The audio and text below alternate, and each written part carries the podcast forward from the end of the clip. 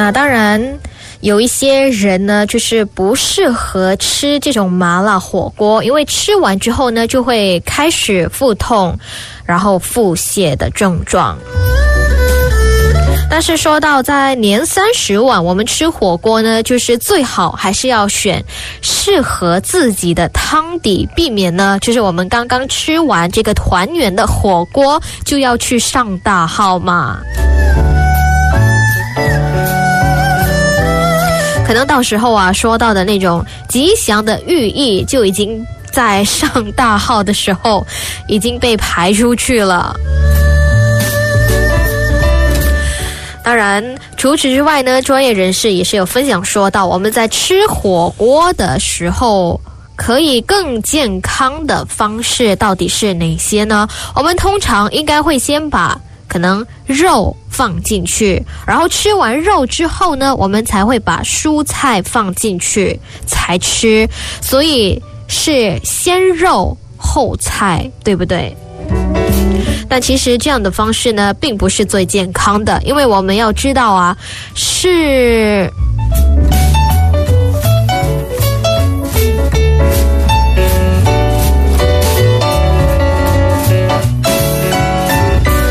要知道的就是说，已经在这个火锅里面，就是煮过肉类的锅底呢，会产生很多的有害物质以及饱和脂肪酸，也就是锅底会越煮越不健康这样的一个意思。因此，专业人士就建议说，我们可以先放入蔬菜，然后先吃菜之后呢。才去吃肉类，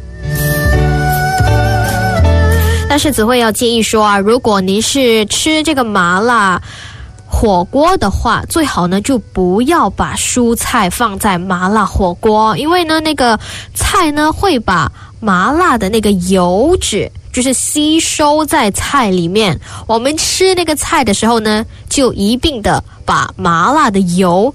吃进去，所以也是不健康的，也不建议啦。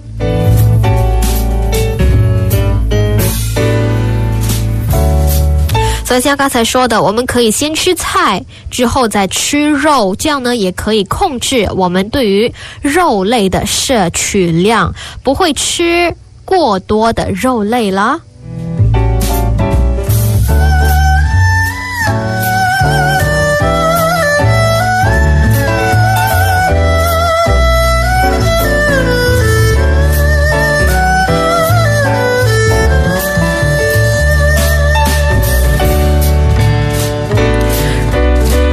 然后接下来要注意的就是关于温度这方面了。那我们通常吃火锅都会把刚刚捞出来的食物呢，直接的往嘴里吃，对不对？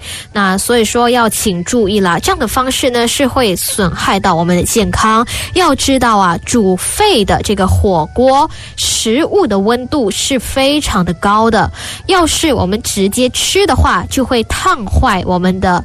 食道，我们的味蕾，然后我们的胃黏膜也是会受到损坏的。那不仅仅如此，我们的舌头也会被烫伤。